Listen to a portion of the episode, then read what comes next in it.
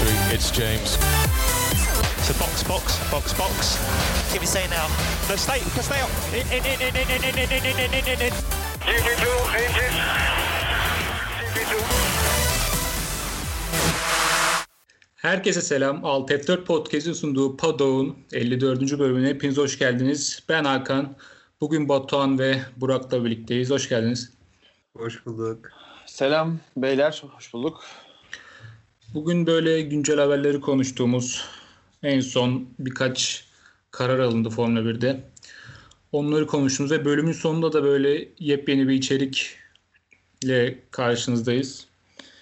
İstiyorsan Burak sen bahset biraz. Bölümün sonunda ne yapacağız? Abi ya bölümün sonunda aslında eee yani şimdi bahsetmeyeyim. Eee, merak edenler bölümün sonuna kadar beklesin tabii ki biraz ama eee Formula 1'den anlamayan arkadaşlar alıp onlarla biraz sohbet etmeyi deneyeceğiz. Bakalım neler olacak. Bakalım biraz anlatabilecek miyiz? Abi şimdi biz bu, bu podcast'i planlamıyorduk değil mi? Yani bizim planımız Şubat sonu Mart başı falandı. Evet. Bence biraz erken oldu bu.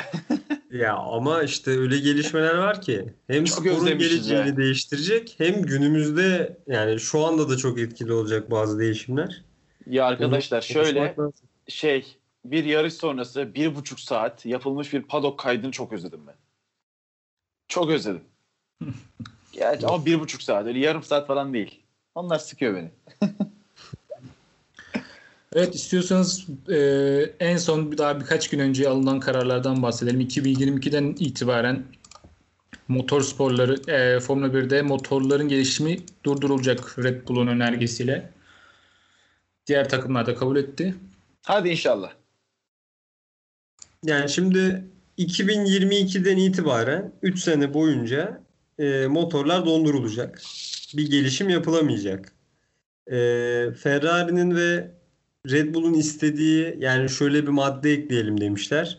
İşte performanslar arasında çok fark olursa onları biraz daha birbirine yaklaştıralım teklifi de reddedilmiş. Ama buna rağmen motorların dondurulması kabul edildi. Şimdi ben şunu sormak istiyorum. Ee, başından beri bu duruma karşı olduğu söylenen Ferrari sizce neden kabul etti bunu? Hemen açıklayayım mı Batuhan'cığım? Açıkla çünkü gerçekten bunu merak ediyorum. Abi yılda yani bir yılda yaklaşık 300-400 milyon dolar toplam motor harcanan bütçe diye biliyorum. Ya işte şey diğer e, e, tüm geliştirmelerle beraber sadece motor harcanan para bu abi. Yani ve hani bunu Mercedes de işte benzer bir para harcıyor. Sadece işte Honda muhtemelen daha az harcıyor. Ve işte Ferrari de benzer bir para harcıyor yine bu civarlarda. Hani bu kadar para harcayıp çok e, az gelişim bulabiliyor aslında Ferrari çok uzun süredir. Hani zaten Mercedes açısından bakarsan en iyi motor onlarda. Durdurulması onların işine gelecektir. Ve hani böyle bir maliyetten ciddi maliyetten kurtulacaklar abi. Ki onlar direkt kabul etti zaten. Tabii ki. Yani Ferrari açısından bakarsan abi yıllardır yani bu işte son şey yasa dışı olan olayları falan bir kenara bırakırsak yıllardır motor geride. Yani yıllardır işte, işte, işte bir şekilde şey e, ki özellikle son bir buçuk yıldır ne yaparlarsa yapsınlar hızlanmıyor abi motor. Olmuyor yani. Ve onlar da işte atıyorum 30 beygir gibi 40-50 beygir gibi biraz daha düşük bir motorla başlayıp geri kalan paranın bir kısmını daha çok gelişebilecekleri işte aerodinami vesaire diğer kısımlara harcayabilecekler ve yine önemli bir maddi şey olacak, e, tasarruf olacak ki zaten Covid'den dolayı he- herkes maddi sıkıntılar içinde. İşte Red Bull için de zaten şey başka motor tedarikçisi bulamadığı için Honda'nın geliştirdiği motoru aynen koruyarak devam edecek. Bence herkesin işine geliyor diye düşünüyorum. Şöyle, şimdi Red Bull'un bir kere kesin işine geliyor. Çünkü motorsuz kalma durumları varken şu anda bu motorun haklarını satın alacaklar Honda'dan. Bu motorlu 3 sene daha devam edecekler. Hatta bu seneye de sayarsak 4. Mercedes için çok mantıklı. Çünkü zaten açık ara farklı en öndeki motor onların. Ve bunu devam ettirecekler. E, Renault için mantıklı çünkü Renault'un da ekonomik sorunlarla boğuştuğunu biliyoruz. Ve Renault motoru da hani şu anda Honda'nın çok Honda ile yakın düzeyde. Hatta bazı pistlerde öne de çıkıyor. Abi ama şimdi mali açıdan söylersen evet Ferrari için mantıklı ama sportif açıdan ya bence Ferrari için çok kötü bir anlaşma. Çünkü olası bir geliştirememede yani şu an 2022 sezonuna girerken en kötü şu an en kötü motor olan Ferrari yeteri kadar gelişemezse 3 senesini çöpe attı şu anda bu anlaşmayla. Şöyle Toparlama şansı olmayacak. Size de bahsedeyim. Ferrari zaten 2021'den bir hala bir umutları yok. 2022'de böyle devrim gibi bir motorla e, yarışacaklarmış. Ama şimdi bunu herhangi bir başka bir motor üreticisi söylese inanırdık ama Ferrari'den böyle bir haber çıktığı için ben de gerçekten çok inanmıyorum. Abi bak şöyle bir şey var. Şimdi bu senenin şimdi geçen sezon Ferrari motoru en gerideydi açık ara farkla. Şimdi normalde hani en alttaki şeyi geliştirmekle en üstteki şeyi geliştirmek arasında fark olur. Hani en düşük seviyedekini daha kolay geliştirirsin. Abi bu sene başlangıcında çıkan haberlerde Mercedes'in daha çok geliştiği söyleniyor motorda. Beygir gücü olarak Ferrari'ye göre. Abi sen neyine güvenip bu anlaşmayı kabul ediyorsun? Ya bence sportif açıdan felaket bir karar oldu Ferrari için. Ben çok merak ediyorum 2022 motorunu. Arkadaşlar mesela şeyde de hani borsada da mesela atıyorum bir hisseye işte e, e, bir yatırım yaparsınız ve e, o hisse düşmeye başlar. Hani şimdi burada e, işte mesela Batuhan'ın düşüncesi şey der. Hani der ki o hisse bir gün yükselecek kalalım abi der ama biri de der ki abi hisseden çıkalım ettiğimiz zararla bakalım. Ferrari biraz öyle bakıyor. Yani Ferrari diyor ki şu an bence abi bu, motor kesinlikle Mercedes'ten geride olacak.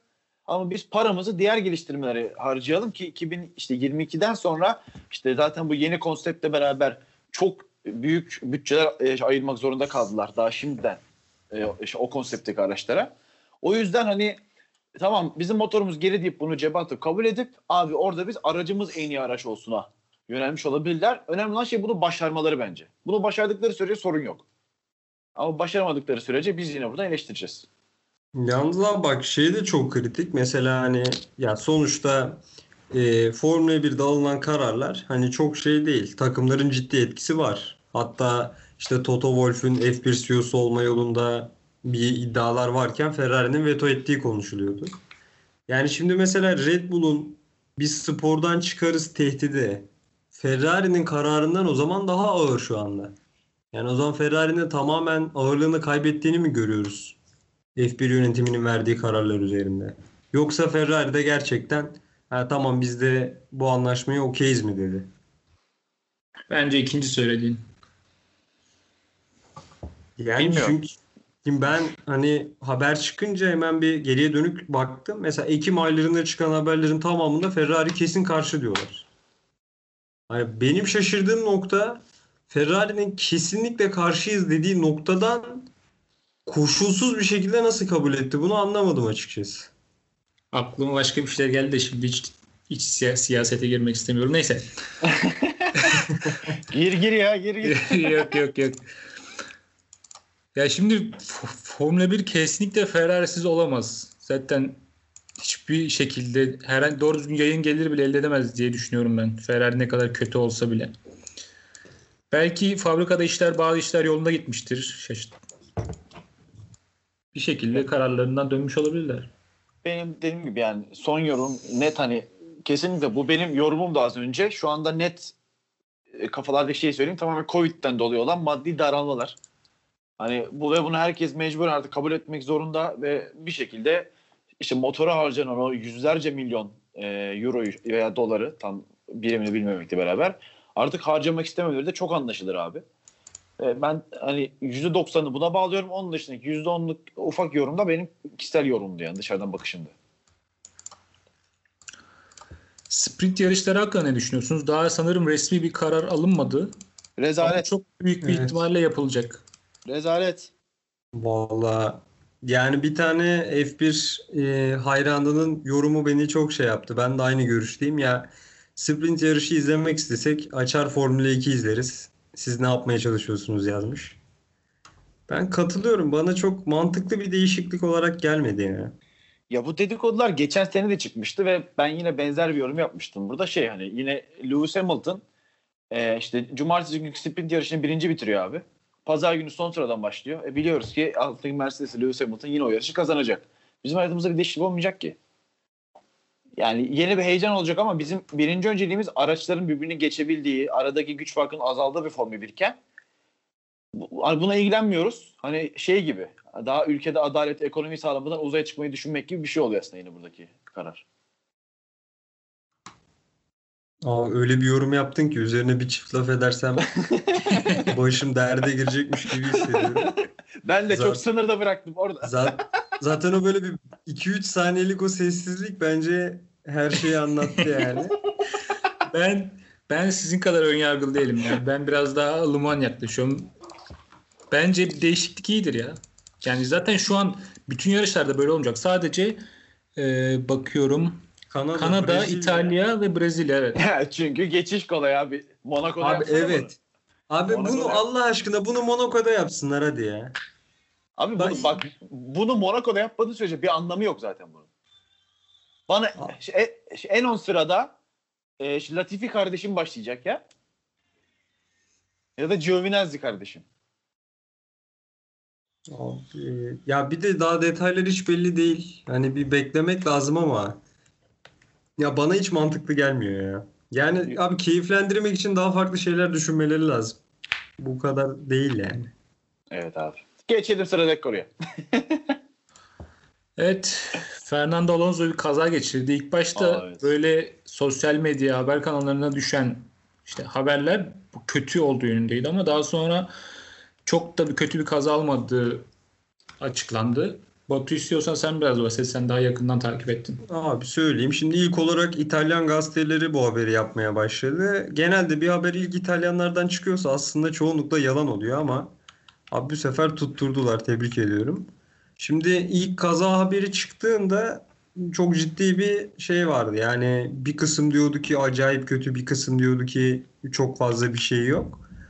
Ee, kaza İsviçre'de gerçekleşiyor. Fernando Alonso bisiklet kullanırken bir araba ona çarpıyor. Ki kazanın raporları da yayınlandı. Alonso'nun da bir suçu yokmuş. Yani suç tamamen araç sahibindeymiş. Ee, şu anda bildiğimiz şeyler Alonso'nun çenesinde kırık var. Ee, Bir de sanırım dişlerinde var Evet. sorunlar varmış. dişlerinden ameliyat olmuş. Birkaç dişini çekmek zorunda kalmışlar. Ee, ama vücudunda bir kırık yokmuş. Bu iyi haber. İşte kendini iyi hissediyormuş. Bilinci açıkmış. Ben birkaç e, tıpçı arkadaşımla konuştum. Yani bana şey dediler. Eğer çene yani çenedeki kırığın boyutu çok önemli. Eğer dışarıdan sabit tutturmak zorunda kaldılarsa ki genelde bu olaylarda öyle oluyormuş. e, kaskı takamayacağı için ya ilk birkaç yarışı kaçırma ihtimali olabilir dediler. Ama e, Alonso cephesinden ve Alpine'den gelen açıklamalarda sezon başlangıcının yetişecek deniyor. Yani orada biraz bir muğlaklık var. O tam belli değil.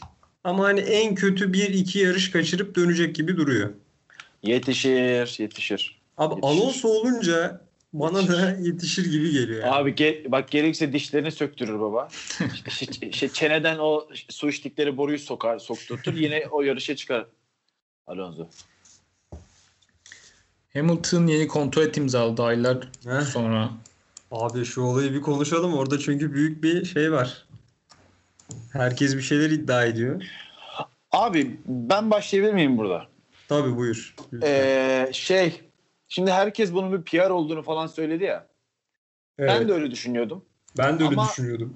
Sonuçta çıkan bir yıllık kontrat bunun bir PR değil de gerçekten bir fikir anlaşmazlığı olduğunu hissettirdi bana. Hani bu sürer sürer sürer sonra 4 yıllık işte yıllık 60 milyon eurodan bir anlaşma çaksalar da ya diyecektim bunlar PR'ını yaptı şerefsizler diyecektim ama bir yıllık bir kontrat gerçekten hani orada çok net fikir ayrışmaları, önemli tartışmalar, kavgalar olduğunu falan gösteriyor bana mesela. Abi burada biraz şey enteresan yani hem Hamilton'la işte e, motor sporları kısmı arasında bir görüşme var. E, bunlar tam anlaşırken bir anda Mercedes'in en üstünden CEO anlaşma hakkında için sıkıntı çıkardı deniliyor. Yani orada böyle bir karışıklık oldu bir farklı bir durum ortaya çıktı bir anda. Abi eee, yani şeyde gördük ki George Russell bize sağ olsun Bahreyn'de gösterdi ki abi hani şampiyon olmak için 60 milyon euro almasına gerek yok. Eee 3,5-4 milyon euro civarı maaşı var galiba. Verirsin çocuğa iki katını. Çocuk bir ev alsın, araba alsın, güzel bir şey yapsın, hayatını devam ettirsin falan. Geleceğini garanti altına alsın. Yine şampiyon olacak bu adam. Bize bunu gösterdi. Ki mesela seneye en hızlı araç olan Mercedes'in iki aracı da boşa çıkıyor. Yine olaylar çıkacak diye düşünüyorum. Ya peki abi peki ama abi yine de olay çok uzadı ya. Yani daha erken bitirmesi gerekiyordu bence Mercedes. Ya bir senelik bile olsa. Çünkü mesela şu anda çoğu kişi ciddiye almadı abi durumu. Bir sürü spekülasyon çıkmadan önce yani bunu bitirmeleri gerekiyordu. Dediğin gibi. Ya ben bir açıklama bir senelik olana kadar çok şeydim yani. Ha işte hadi artık açıklayın da geçelim. İşte her gün bir tane tweet atıyorlar falan.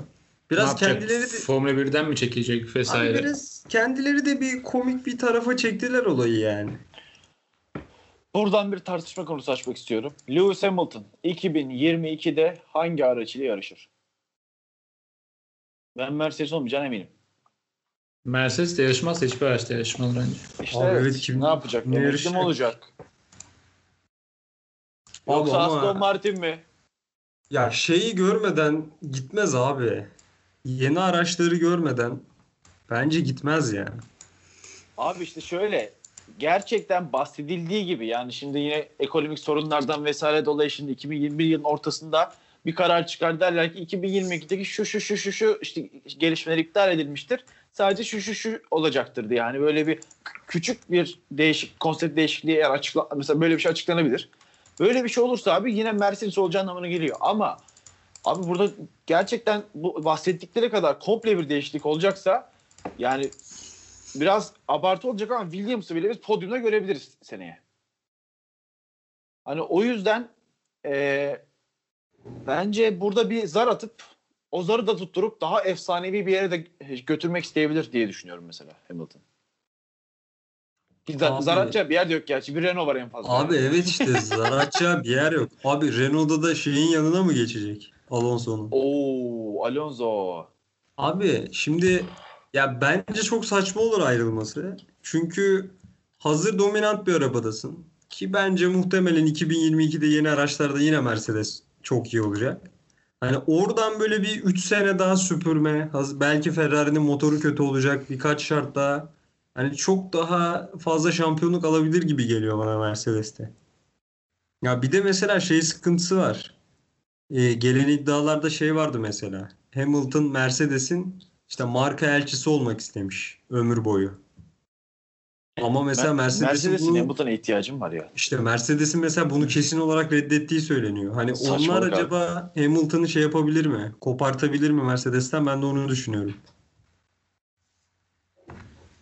Bence işte Mercedes koptu abi zaten. Yani işte Mercedes Hamilton arasındaki bağ bence koptu tamamen bu arada.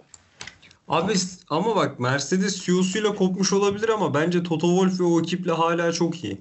Evet. Yani orada öyle bir olay var. Çünkü haberler ilk çıktığında da şöyle çıktı. Yani işte Toto Wolff ekibiyle Hamilton aslında anlaştı. Ama CEO bozdu diyorlardı anlaşmayı. Tabii tabii. Zaten bu kesin yani şu an. Ama Yüzde işte yüz böyle. orada abi Toto Wolff şuna ikna edebilir yani. Hani sen tam Mercedes'te sıkıntı olabilir ama hani ben hala ekipteyim. Yani o yüzden kala getirebilir işi bence. Bakalım göreceğiz ne olacak. Evet, sezon bittikten sonra belki birkaç ay boyunca sadece tek bir haber vardı. O da Barcelona pistinin kaç 9. virajı mıydı? 10 On abi ezberledim artık 10. viraj. Ha, orada bir çalışma yapıldı. Tek haber buydu ya. Abi bak yemin ediyorum size. Şimdi ilk haber düştü tamam mı? Dediler ki 10. viraj değişecek eyvallah dedim. Abi bir virajı değiştirmeleri yaklaşık bir ay sürdü. Neredeyse her gün bir tane basına fotoğraf yolladılar. Bak şu anda böyle geliştiriyoruz diye. Viraj bitti bir ayda. Bak tekrar söylüyorum. Bir virajı bir ayda bitirebildiler. Üzerine işte F1 CEO'su falan ziyaret etti. Ya dedim ne oluyor arkadaş ya? Valla ben bizimkilere sallamıştım ama helal olsun yani. Bir haftada tüm asfaltı döktüler. İspanya'da bir ayda viraj değiştiremedi adamlar ya. Sinir oldum artık yani. Sanat sanat kardeşim. Adamlar sanat yapıyor. Biz üstüne asfalt atıp üstüne işte basıp geçtik yani. Ya bırak abi Allah aşkına. sanat yapıyor. O bir ay boyunca her Barcelonalı bir tane şey mi yaptı? Bir kürekle bir şey mi attı yani? Nasıl bu kadar uzun sürebiliyor ya? Ya bir de adamlar her gün fotoğraf atıyorlar ya. Şöyle çalıştık, böyle çalıştık. Bak şimdi de şöyle çalışıyoruz. Gerçekten enteresan. Ben burada tepkimi dile getirmek istedim. Benim Sözü hiçbir yorum yok verdiğiniz için arkadaşlar. teşekkür ediyorum. Ee, benim tek bir yorumum var. Barcelona pisti ne olur takvimden çıkarılsın. Teşekkürler. Takvim demişken Portimao Vietnam'dan boşalan o araya girdi. Yani neredeyse kesin şu an. Arkadaşlar Vietnam bu yüzden batabilir. Yani adamlar iki yıldır para harcıyor, para harcıyor, para harcıyor, iptal oluyor. Para harcıyor, para harcıyor, iptal oluyor. Abi bu sefer yolsuzluktan gittiler galiba. Bir Bilmiyorum niye gittiklerini de. Abi orada pist organizatörü bir e, yasa dışı işe karışmış. Bu konuda Oo. evet evet şey yapmışlar. Yanlış hatırlamıyorsam hani mahkemeye falan çıkacakmış. Öyle bir sıkıntı. Ondan ötürü yarış düzenlenmeyecekmiş. Valla o garip pistte bir yarış görmek isterdim açıkçası. Biraz yazık oldu. E, ama ya Portimao ile ilgili de Türkiye'nin zaten girmeyeceği belli olmuştu yani. Yani doğru düzgün hiçbir adım atılmadı. Yani geçmiş olsun. Bir yarış daha izlemek isterdik. Ki ben atılmamasını savunanlardan çünkü o kadar parayı vermememiz gerektiğini düşünüyordum yani. Yine para vermeyeceksek eyvallah ama para verilecekse abi biz kaçar. Abi 18 milyon diyorlar. Bir Mesut Özil parası ya. E abi aslında var ya istersen- düşüktü ücret ya. Bu ülkede dinozorlara 750 milyon verildi. 18'de gerçekten yani. ya. Gerçekten ya. Bir dinozor kadar olmadı şu spor gerçekten inanılmaz. Ben, ben evet. bu konularda hiç yorum yapmıyorum. Lütfen dinleyiciler bunu şey yapsınlar. Durduk yere başımız belaya girmesin. Son haber Nico Hülkenberg Aston Martin yedek pilotu olmak üzere. Hayırlı uğurlu olsun. Kardeşim olsun. Alman lobisi hemen takımı ele geçirdi. Ben buradan e, Lance Stroll'e şey yapıyorum. Dikkat etsin kendine. Bak Almanlar takıma şey yapmaya başladı abi. Daha önce bir komplo teorisinde bulunmuştum. Stroll'ün e, Vettel'i yenmesinin ardından Vettel'in 6. yarıştan sonra erken emeklilik kararı demiştim. O zaman Nico Hülkenberg'in yeni koltuğu hayırlı olsun. Vayda. Bu arada abi bak şimdi bunu söylemem lazım. Şey haberleri hemen çıkmaya başladı. Tam bir Türk gazetesi gibi. İşte Vettel takıma çok iyi alıştı. Wow. Vettel Vettel Aston Martin'e yardım etmeye başladı. Aynen müthiş ya. Bu haberlere bayılıyorum. Bu yeni transfer olan futbolcunun şeyi ya gibi. abi insanlar bu bu haberleri yazıp para yiyorlar. Para kazanıp ekmek yiyorlar. Ben buna çok acıyorum arkadaşlar. Çok acıyorum. Vallahi yazık. Evet ekleyeceğiniz bir şey var mı? Var. Lütfen. Bir olay var. Şimdi Hadi bakalım. biraz üzünlendik. Biraz geçmişe gittik. Daniel Kiat. Aa, Sevgiler gününden bir gün sonra çektiğimiz bu bölümde Ben Daniel Kiat'ı konuşurum arkadaş. Ulan adamın çocuğunun annesi Max Verstappen'le pistte sürüşler yapıyor, eğleniyor. Benim Kiat abim tek başına sevgililer günü geçiriyor. Geçirdi. Geçmiş olsun Kiat. Yani arkadaşlar şimdi sevgililer gününde yalnız geçiren arkadaşlar üzülmüş olabilir ama şöyle söylemek istiyorum ya Daniel Kiat olsaydınız diyorum ve bitiriyorum. evet. Beterin beteri var. O zaman diğer bölümde görüşmek üzere.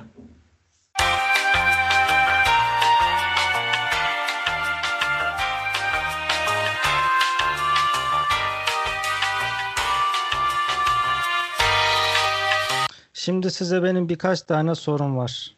Hadi Madem-. Sorulara cevap veriyormuşsunuz bu programda. Hazır mısınız? Evet, Ben hazırım gelsin. Ona Hazırız. göre. Kendimi Şimdi yarışma programında hissettim şu an. Önce bir kendini tanıt istiyorsan ben, dinleyicilerimize. benim, benim kim olduğum önemli değil. Sorularım önemli benim şu an. Bir Formula 1 cahili aramızda arkadaşlar. Evet. Konuşuyoruz. O kadar cahilim ki tekerleğin icadında kaldım yani öyle düşün. Şimdi motor sporunu spor yapan şey nedir? Hadi bakalım. Hadi. Rekabet. Ben başladım siz devam ettirin. Alın Hayır teri. böyle tek bir kelime değil ama yani neresi spor bunun? Yani mesela bak futbolda koşuyorsun terliyorsun mesela değil mi? Veya ne Şimdi- bileyim işte bir şeyler var. Yorumları falan filan var. Formula 1'de de bir sporcu yarışa hazır olup arabanın içindeki G kuvvetlerine dayanabilmek için yaptığı zaten sporlar var. E, Adam- Aynısını kamyoncular da yapıyor.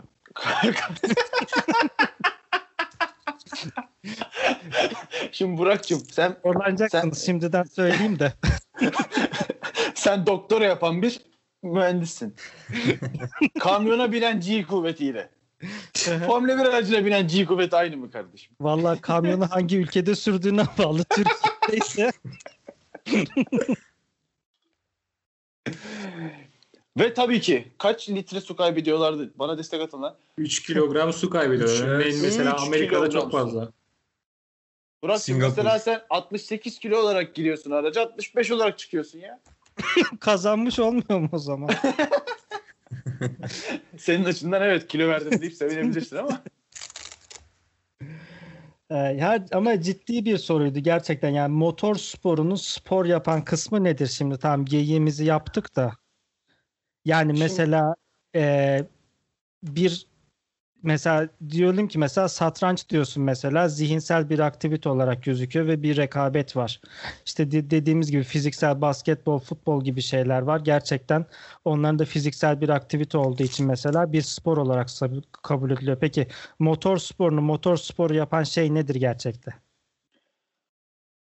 Aslında az önce saydığın sporların hepsinden bi- birer tutam oluşu yani. İşte satrançta zihin çalışıyor diyorsun ya Formula 1'de de aynı şekilde aracı kullanırken içeride işte, işte strateji yapmak, aynı zamanda işte pit duvarıyla konuşmak vesaire zorundasın. Futboldaki, basketboldaki eforun bence daha fazlasını işte sergilemek zorundasın öncesinde ve sırasında. Hı hı. Ve zaten Hakan dediği gibi de rekabet unsuru her sporda olduğu kadar Formula 1'de de var. Son yıllarda olmasa da genelde var. Anladım. Peki Formula 1 özelinde konuşalım. Motor sporu diye genellemeyeceğim. Ee, Formula 1 bir takım sporu mudur? Kesinlikle. Yani e, pist dışındaki kısımdan da katarak soruyorum bunu. Tabii Yani işte kesinlikle çok büyük bir takım sporudur. Hani ana ekranda, ana sahnede sadece bir iki kişi görüyor olabilirsin bir takımdan ama aslında o tüm takımın yaptığı çalışmayla birlikte sonuçlar ortaya çıkıyor. Ki buna Peki en büyük pay şimdi mesela Hmm. ta- Ya bu biraz bu biraz tartışma konusu yani. Şu an hani günümüzde de Formula 1 için tartışma konusu. Ama ya kesinlikle çok iyi bir takıma sahip olmak zorundasın eğer kazanmak Bir istiyorsan. arabanın motoru gibi bir hangi parça hangi parçadan önemli diye bir şey yok. Biri olmazsa motor çalışmaz. Yani Kim- mesela Yani- şunu getirmeye çalışıyorum lafı. Mesela e, sadece iyi bir şoförlükle ve iyi bir arabayla bir yerlere gelebilir misin? Modern Formula 1'de hayır. Çok bir yere gelemezsin abi. Yani çok iyi pilotların hiçbir şey yapamadan gittiğini gördük. Çok iğrenç pilotların şu anda Valtteri Bottas gibi çok iğrenç pilotların Mercedes'te olduğu için podyumlar yapıp yarış kazandığını görüyoruz. Yani şöyle söyleyeyim en iyi araca seni beni koysak bir şeyler yaparız, idare ederiz gibi bir yere çıkıyor aslında biraz. Yine cahilce bakarsak. Anladım. Yani günümüz sporlarındaki gibi artık fiziksel sınırlara dayandığımız için e, taktiksel ve küçük hesaplar farkı oluşturuyor sanırım.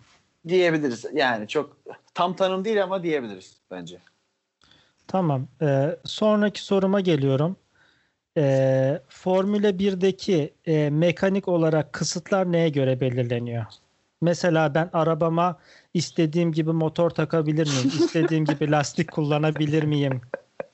Atıyorum yakıtımı kendim seçebilir miyim Ben kafama traktör göre? yaptım. Ben traktör yaptım. Evet. Yani böyle geniş çerçeveler manasında bir araç yani bir aracın Formula 1 aracı olması için ne şartlar gerekiyor? Sorular giderek ciddileşiyor beyler. Hazırlanmış bayağı. Ee, Evet. evet. Haz- haz-. Hazırlanma değil bu programda madem bir cahil soracak e, temel yapı taşlarını belli edecek sorular sormaya çalışıyorum. Açıklayacak Evet. var mı ben gireyim mi? Sen başla istersen. Ya FIA'nın e, e, belli yıllarda genelde işte 7-8 yılda bir olan kural değişiklikleri oluyor. Gerek Hı aracın işte dış e, şasisi için gerek işte motor kuralları ile ilgili. Değişimler oluyor ve işte bu e, kurallarda bu kurallar çerçevesinde herkes sınırları zorluyor diyebilirim. Yani ben mesela e, beni fiziksel olarak rakiplerime göre avantajlı duruma getirecek bir değişiklik yapacağım mesela. Şöyle örnek vereyim. Mesela hep e, antik Roma zamanında at yarışları olur ya mesela tekerleklere böyle çubuk takarlar diğer tekerleği parçalamak için falan. Mesela Evet. ben öyle bir şey takmak istedim rakibimin tekerini parçalamak için. İşte tabii Kurallar yasak. dahilinde olmadığı için. İşte o kurallar nedir onu soruyorum. Çünkü yani genel olarak artık aerodinamik e, yasalarını da şey yaparsak göz önüne bulundurursak belli bir tasarım olmak zorunda ama yani saçma sapan tasarımlar da yapabiliyor muyum mesela Formula 1'de? Ya burada şey e, yanlış hatırlamıyorsam yarıştan önce paddock denilen bizim programımız adında paddock denilen yeri araçlar çekildiğinde her ince ayrıntısına kadar inceleniyor diye biliyorum. Oradaki incelemeler sonucunda zaten hani e, sezon başı veya yarıştan önceki incelemelerde ortaya çıkmayan böyle ufak tefek e, şey e, kurala aykırı ya da işte kuralın mantığına aykırı. Çoğu zaman mesela kuralın yorumundan da gidiyor. Hani mesela kural şu. E, işte rakibine zarar ver, şey verecek tüm parçalar yasaktır. Bu yorum. Bunun işte yorumuyla beraber buna benzer önümüze çıkan her türlü parça direkt yasak diyebiliyor FIA. Yani inceleyerek. mümkün olduğunca hile hurdaya yine engellenmeye çalışılmış. Çalışılıyor ama yani her zaman yani işte çok şey yeni daha Ferrari'nin e, geçen seneye kadar motorundaki bir e, e, yasa dışı şeyle beraber 100 beygire kadar hızlandığı ortaya çıktı mesela ve bu sene süründüler. Yani böyle şeyler sürekli 3-5 yılda bir yine bir kural eksikliğinden şeyinden faydalanan ya da direkt olarak kural çiğneyen araçların daha iyi olduğu zamanlar oluyor. Anladım. Ki Peki- araçlar sürekli kontrol ediliyor. Yani FIA Evet. görevlileri tarafından sürekli. Yani hani sadece yarıştan yarışa da değil. Garajlarda falan bazen kameralar çeker. Orada FIA görevlisi bekler. Araca yapılan müdahalelerden tut. Hani ne olduğuna kadar. işte Şey benzinin böyle? ne kadar koyulduğuna kadar. Şey anlık müdahale oluyormuş. Mesela 3 tane araç seçiyorlar rastgele ve onlara gidiyorlar. Yani sürpriz. Hı hı. Evet. Anladım. Mesela Ya senin sorunun temeline denk gelirsek mesela kafana göre rastgele şeyler yapamıyorsun ya uzun lafın kısası. Burak da dediği gibi belli her 7-8 yılda değişen kurallar var. Hatta 90'ların başında bazı araçlarda 6 tekerlek vardı. Yani buna izin veriliyordu. Evet evet. Yapılıyordu. Tyrrell falan. Mis. Peki asıl soruma geliyorum. Hocam şike işleri ne durumda Formula'da?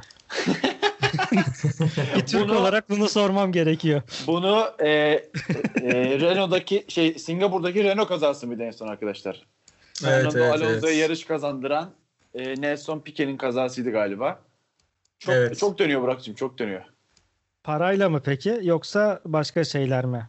Ya parası artık oradaki banka hesaplarındaki hareketleri tabii ki göremiyoruz ama Hayır şekilde- yani şunu demek isteyen ben atıyorum ben Ferrari'yim gidiyorum Renault'a bilmem kaç milyon dolar para basıyorum. Sen hep bizim arkamızda kalacak mı kalacaksın diyorum. Öyle mi? yo öyle Yoksa- olmuyor. Yok. Ya şey var şimdi her takımın küçük pilot takımları var aslında. Hani atıyorum Ferrari'nin işte Alfa Romeo ile Haas var şu anda mesela pilot takımları. Yani eğer böyle bir şey yapmak isterse onlar üzerinden yapabilir. Ya da her takımın birinci pilotu, ikinci pilotu ayrı ayrı var. Genelde birinci pilotun yararı için ikinci pilot her türlü pisliği yapar. Bu tarz şeyler olabiliyor yani. Kendi işlerinde daha çok. Şimdi konudan konuya atlayacaksınız diyeceksiniz de aklıma geldikçe soruyorum. Bir de hep merak ettiğim bir şey var. Bu şehir içi yarışlar var ya. Evet. Evet. Yani bayağı bildiğin sokakta işte bakkalın Hı hı. önünden geçiyor araç. Abi onda ya pist kontrolü falan filan bir şey asfalt kontrolü yapılıyor mu mesela asfalt sağlığıdır işte yarışlardan önce yani sonuçta yani yarış olmadığı zaman da tır geçiyor üstünden falan hani belli, belli bir deformasyon olması gerekir mutlaka o asfaltların. Ben Onu merak etmişimdir mesela. Ben bu konuya gireyim. Şimdi yaklaşık bir, bir buçuk ay önceden e, kontroller yapılmaya başlanıyormuş. Hı hı. E, hatta pandemi döneminde bu biraz daha sorun olabileceği için o cadde pistlerinin bazılarında yarışlar olmadı. Hı hı. Bir, bir buçuk ay önceden başlanıyor. Asfalt kontrol ediliyor. Rögar kapaklarının uçmaması için o hızdan ötürü Hı hı. ee, onların cıvataları tekrar teker teker kontrol ediliyor. Daha farklı yöntemler de uygulanıyor. Ya orada çok detaylı bir çalışma oluyor. O yolu yarışa hazır hale getirebilmek için. Yani peki gerektiğinde atıyorum asfalt yenileme falan da oluyor mu? E aklıma Ya- gelen ilk örnek mesela. Parça parça oluyor ama hani bütün anlamında öyle bir şeye ben denk gelmedim. Yani çünkü şimdi aracın yapısını düşünecek olursak en ufak bir tümsekte bile uçmaya meyilli araçlar bunlar. Yani parça parça asfalt olursa bizim Türkiye yollarındaki gibi. Yani adam 35 ile gitmek zorunda kalacak sonra. Ya bir de şey var Burak mesela asfaltlama olayı da çok, çok e, dikkatli yapılmak zorunda olan bir şey. Çünkü Hı hı. mesela son işte özellikle Türkiye Grand Prix'sinde vesaire gördük ki mesela yarıştan yaklaşık birkaç hafta önce asfaltlama yapıldı. Ve asfaltın yol tutuşu sıfırdı. Yani hiç yol tutuşu yoktu. Araçlar kaya kaya falan gittiler böyle. Hani o yüzden asfaltlama denilen şey biraz e, şey korkulması gereken ve çok daha uzun şey, vadelerde planlanması gereken bir iş haline dönüştürüyor. Anladım. Mutlaka onun standardı vardır da Türkiye'de bir şey tanı daha verilmiştir onun asfaltlaması ondandır. Yüzde yüz biz de aynı, burada aynı, e, e, aynı yorum yapmıştık abi. Bir şey yandaşa peşkeş çekilmiştir diye. Peki bir soru daha. Son sorunu Ee, sor. Peki son sorum. O zaman dur düşüneyim. Siz muhabbet edin birazcık son soru. Kıymetli kullanayım son soru hakkımı. Yalnız sorular gayet kaliteliydi yani. Yani bence sadece böyle özel bir bölüm bile yapabiliriz arkadaşlar. Ya ben ben evet bence öyle. Çünkü Burak bize başta öyle bahsetti ki hani çok böyle basit sorular bekliyordum. Abi bir anda Ben de böyle hazırlanacağını bilmiyordum. Ben ekranın karşısında Ay, ekranın karşısında kalıp ya bunu ne desek diye düşündüğüm sorular oldu yani. O zaman Prompter'dan okuyorum ben şu an. Peki mesela bir soru sorayım. O da kurallar dahilindedir de. Mesela virajlarda en fazla pistin dışına çıkma kriteri nedir? Neye göre belirleniyor? Çünkü bazı bakıyorsun çok e, atıyorum e, pist asfaltın içinden geçiyor. Bazen işte bazı biraz daha kestirmeden tümseklerinden falan filan geçiyor. Bildiğim kadarıyla onların bir faul sınırı var. Onlar mesela neye göre belirleniyor? Bu her yarıştan Yani birazcık ayrıntı bir soru ama komiserler kurulu tarafından belirleniyor. Ya aslında e, iki farklı bunun şey, yöntemi var. Biri direkt muz körp denilen böyle yüksek körpler koyuyorlar abi ve o körbe değen her araç işte Hı hı. işte, işte sıralama turundaysa şey süresi siliniyor, yarıştaysa da işte ceza veriliyor. Hı hı. Ya da işte muz körp koymak bazen araçlara vesaire zarar verebiliyor, araçları uçurabiliyor vesaire. Bazı işte hızlı geçilen virajlarda da herhangi bir körp konulmuyor fakat tüm e, dört lastiği birden virajın dışına çıkan işte lastikler şey e, araçlardan yine aynı şekilde ceza uygulaması yapılabiliyor mesela. İki farklı uygulama var genelde. Anladım. Ve bunlar e, şey yapılıyor. Yarıştan, sıralama turundan önce e, güvenlik aracı pistte turluyor. E, hangi noktalarda dört tekerlek dışarı çıkarsa ceza verileceğini de açıklıyorlar. Yani izleyiciler de sürücülerin hangi virajda nasıl gitmesi gerektiğini görmüş oluyor böylelikle. Anladım. Aa. Neyse son soru dedin ama ben son bir soru sormak istiyorum merak ettim. Bu kısa Sor bir ya. soruydu ama. Sor. Cidden son soru bu. Daha sormayacağım. Sorular. Şimdi mesela e, yani sayısını bilmiyorum ama bir sürü takım var değil mi? Formula 1'de şu anda aktif 10 tane olarak abi. 10 tane. Tamam 10 tane. Sen diyelim her sezon 8. veya 9. oluyorsun tamam mı? Evet. Peki bu takımın e, sponsorlar dışında atıyorum herhangi bir kazancı oluyor mu?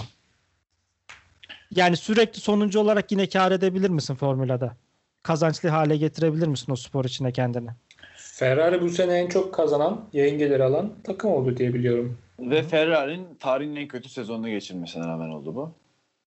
E İşte peki sonuncu olduğun zaman durum ne Abi oluyor? Ne şöyle- kazanmış oluyorsun? Son yıllarda paralı pilot denen şeyler çıktı. Yani pilotlar e, yani özellikle genç ve tecrübesiz pilotlar genelde arkasına büyük sponsor destekleri ya da işte babasının parasını falan alarak bayağı para ödeyip koltuk almaya başladılar. Şu anda küçük takımları yüksek oranda bu ayakta tutuyor aslında.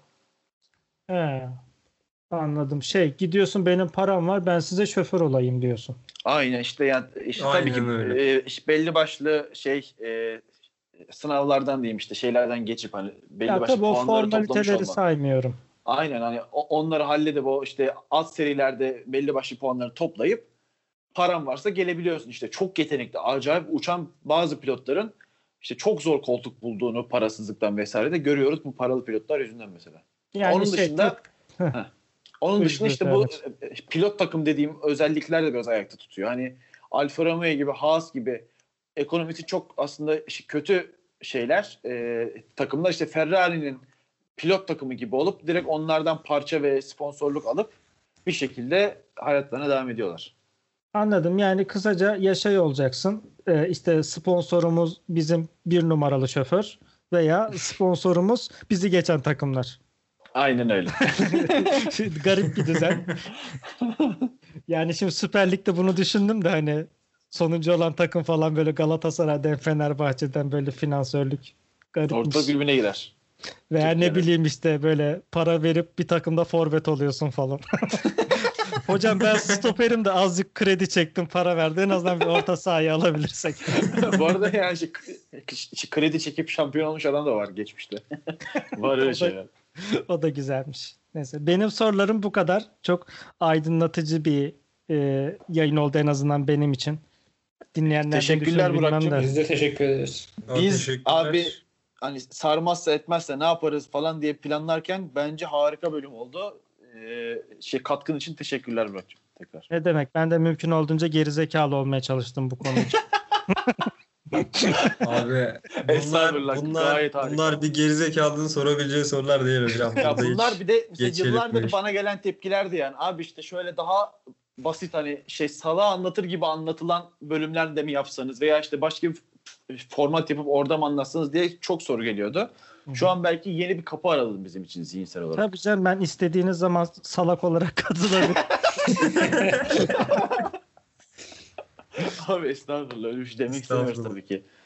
O zaman dinleyenlere de çok teşekkür ederiz. Ee, muhtemelen Şubat sonu Mart başı değil mi? İşte yeni bölümlerde buluşmak üzere diyelim mi? Evet. diyelim diyelim. Ben de geleceğim. Çok Görüşmek sevdim bu ortamı. Her zaman bekleriz. Hadi görüşmek üzere. Hoşçakalın. Görüşürüz abi.